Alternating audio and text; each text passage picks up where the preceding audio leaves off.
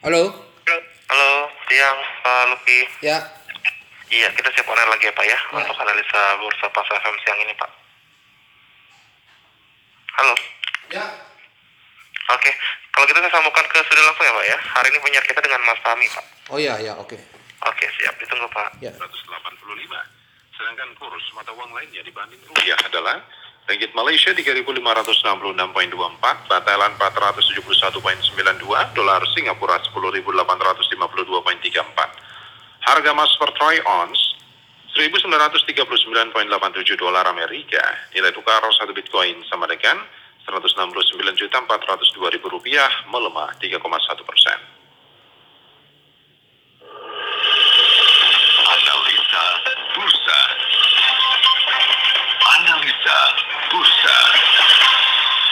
Analisa Bursa First FM bersama saya Fahmi Andrian dan saya sudah tersambung bersama Luki Bayu Purnomo, Investment Advisor and Founder LPP Institute. Halo, selamat siang Mas Luki. Mas Fahmi, selamat siang. Ya, apa kabarnya Mas? Kabar baik. Baik ya. Ya, saya juga tadi di wah, bukanya cukup baik ya. High-nya sempat menuju ke 5.331 tapi akhirnya eh, ditutup melemah di sesi pertama ini berada di 5.276.54. Apa yang bisa direview Mas dari perdagangan di sesi pertama ini?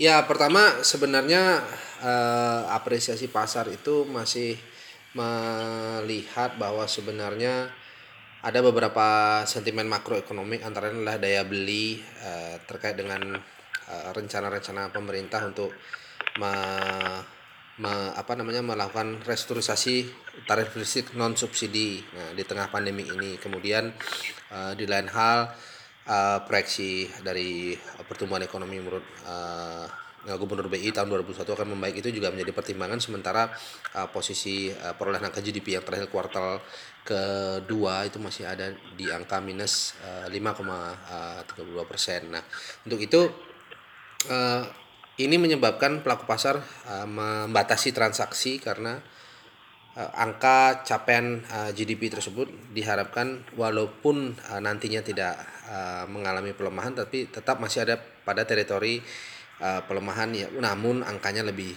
eh, lebih tipis. Nah, menurut pandangan saya itu ada di angka 4 minus koma minus 4,5 persen. Nah, di sisi lain eh, koreksi ini juga terjadi akibat eh, pelemahan eh, futures eh, kemudian eh, global index juga kita ketahui mengalami pelemahan walaupun terbatas sama juga eh, disebutlah eh, Dow futures melemah sat- sat- 0,10 persen kemudian Nasdaq juga demikian melemah terbatas S&P juga melemah terbatas. Nah yang eh, menjadi perhatian adalah eh, sektor komoditi di mana eh, crude oil masih mampu bertahan di angka 41 US dollar per barrel, kemudian eh, emas juga masih mampu bertahan di angka 1946 US dollar per troy ounce. Untuk itu apresiasi pasar saya kira masih cenderung terbatas hingga eh, sesi kedua penutupan nanti untuk menguji level 5250 dan level tersebut saya kira menjadi level yang cukup baik karena angka terendah saat ini ada di angka 5269. Ah, demikian Mas Fahmi.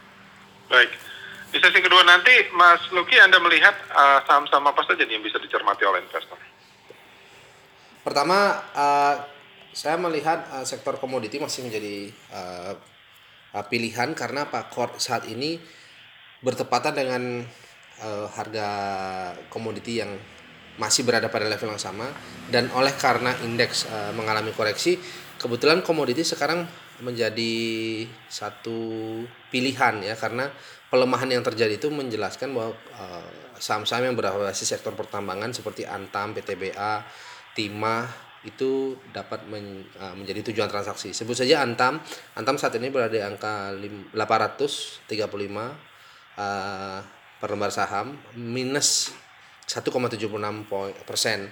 Tetapi dari pelemahan ini saya kira pelemahan yang terjadi itu diakibatkan karena sentimen indeks bukan karena sentimen dari uh, kinerja uh, emiten dan kinerja underlyingnya yaitu harga emas. Nah untuk itu ini menjadi satu uh, pilihan transaksi untuk sesi kedua. Baik. Mas Luki, uh, selain yang Anda bilang tadi uh, mungkin minus 4% dari GDP, ada mungkin faktor-faktor lain yang harus diwaspadai oleh investor nanti di sesi kedua mungkin Mas?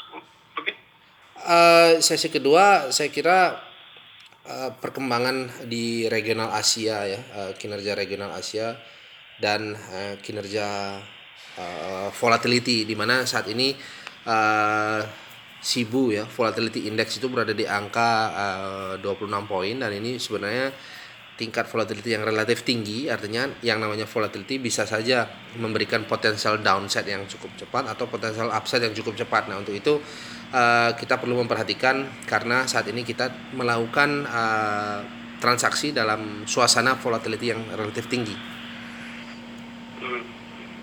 Oke, kalau begitu terima kasih banyak Mas Luki atas waktunya. Ya. Mudah-mudahan saham kita ini bisa cepat uh, pulih ya, ya kita ya melihat uh, sudah tinggal berapa bulan lagi untuk akhir bulan nih ya.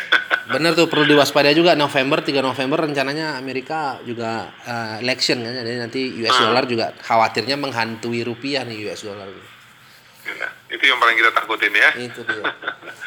Baik, kalau begitu terima kasih banyak atas waktunya Mas Luki. Baik. Selamat siang dan sukses selalu untuk Anda. Terima kasih Mas Fahmi. Anda bersama bersama